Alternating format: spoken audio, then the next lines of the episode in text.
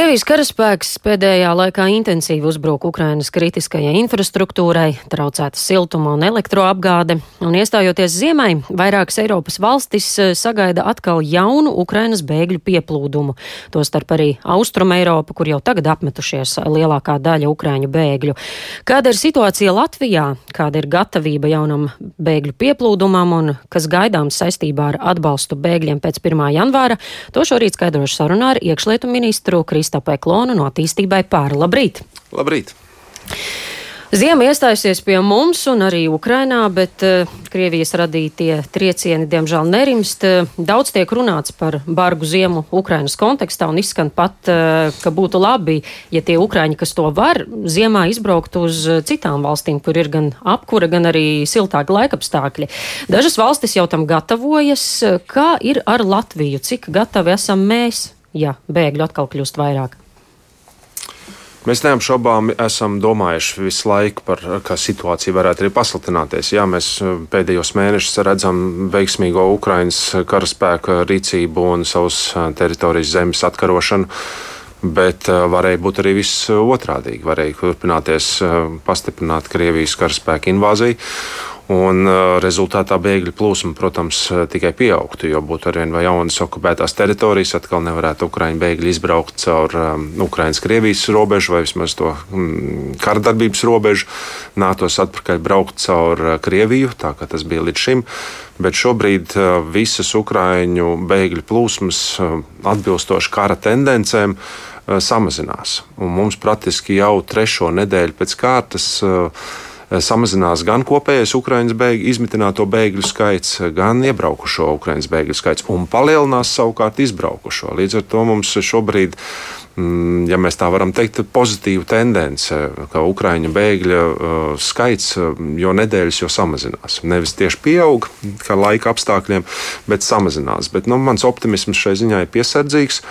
Ja mēs paskatāmies vismaz pēc Latvijas uh, klimatiskiem apstākļiem, tad uh, mums nedēļa ir ziema. Ja? Nu, attiecīgi par to nedēļu varbūt vēl, uh, es pat teiktu, pilnīgi noteikti vēl iedzīvotāji nav nu, tā teikt, varbūt tik ļoti to izjutuši. Un, uh, es domāju, ka tādas nedē, uh, ziemas iedarbību mēs sajutīsim varbūt pēc kāda mēneša, tā, kad jau mm. cilvēkiem vairs nebūs tās pirmie risinājumi, sapratīs, ka nestrādā, kā varētu sev kompensēt elektrības un, un, un kurināmā iztrūkumus, um, no nu, ar visu, ko jau nu, viņi tur mājas silda.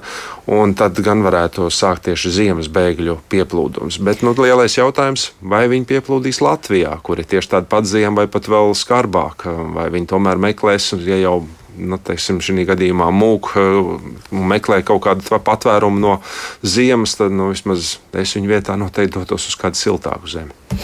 Bet nu, kāds Latvijai ir tas plāns, ja nu gadījumā, kas notiek, ziema ir tikko sākusies, vēl nezinām, nezināmais ir priekšā, kāds ir plāns, kur tad eh, bēgļus mēs varētu izmitināt?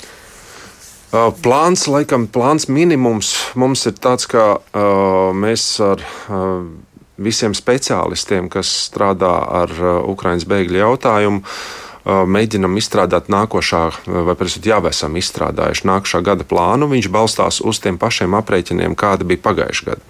Un, kā mēs zinām, kara darbības sākumā pieplūdums bija milzīgs. Viņš bija simtos katru dienu. Šobrīd mums katru dienu ienāk nu, vidēji pieci bēgļi tie, kas paliek tieši Latvijā. Viņi ienāk arī vairāk simti, bet, bet tie visi praktiski tranzītā. Viņi aizbrauc tranzītā. Viņi Latvijā uzturās diena, divas, maksimums trīs. Uh, bet uh, mēs gatavojamies tam, ka mums būs jāsniedz tādam pašam skaitam. Tie, tas aprēķins pagājušajā gadā bija vai šogad mums viņš bija uz 40 tūkstošiem. Mēs to aprēķinu arī m, gatavojam tādu priekš nākošā gada. Cik šobrīd ir Ukrāņu bēgļu Latvijā? 30, reģistrēti šobrīd ir 35,264. Mm -hmm. Un tā tad, kas notiek, ja ziemā viņu skaits pieaug par vairākiem tūkstošiem un pārsniedz, piemēram, šos 40 tūkstošus? Nu, tad, protams, mums būs jau daudz grūtāk. Ja vēl tikai drusciņi pārsteigts tos 40 tūkstošus, tad tur es pieļauju kaut kādas variācijas būtu iespējams, tā teikt, nemainot kardināli neko. Bet, ja tas skaitlis dubultosies vai, vai vēl pastiprināsies, nu, tad mums būs atbilstoši jārīkojas jau kā. Nu, tad es paredzu to, ka būs noteikti kāda jās, jāsludina kaut kādās vietās ārkārtējās situācijas, un, un pašvaldībām būs, ja tā var teikt, piespiedu kārtā jāmeklē iespējas izmitināt bēgļus. Nu, tad mēs sāksim atkal runāt par kultūras nama aktu zālēm, par sporta zālēm, par vēl kaut kādām citām telpām, kuras var pielāgot izmitināšanai celsim augšā visas savas rezerves, kas mums ir ar, ar, ar gultām, ar gultas piedarumiem un pārējām lietām. Nu, tas būs neapšaubām ļoti sarežģīti. Vienalga ne lēti, bet nu, tajā brīdī nebūs nemaz cits, pie tāda pieplūduma mums nebūs citas alternatīvas. Jo, m, privātie pie cilvēkiem izmitināt, nu, tā iespēja noteikti vairs tādā apjomā nebūs. Un ko saka pašas pašvaldības, kādu redz savu gatavību un resursus?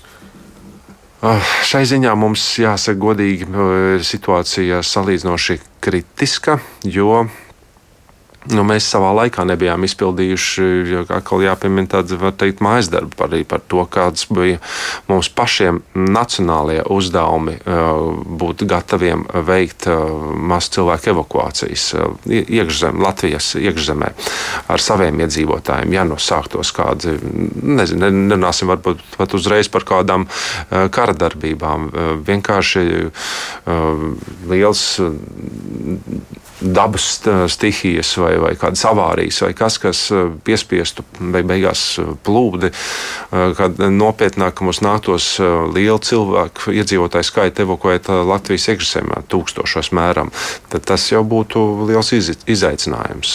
Protams, nu, latviešiem būtu vienkāršāk, jo tomēr pa visu Latviju ir kaut kur radi un, un tam līdzīgi, bet kā valstī tas ir mūsu uzdevums turpināt pilnveidot savus turpināt turpināt pilnveidot savu gatavību tieši pārvietot, un evakuēt un izmitināt uh, uh, lielu skaitu, tūkstošos mērājumu uh, skaitu iedzīvotāju.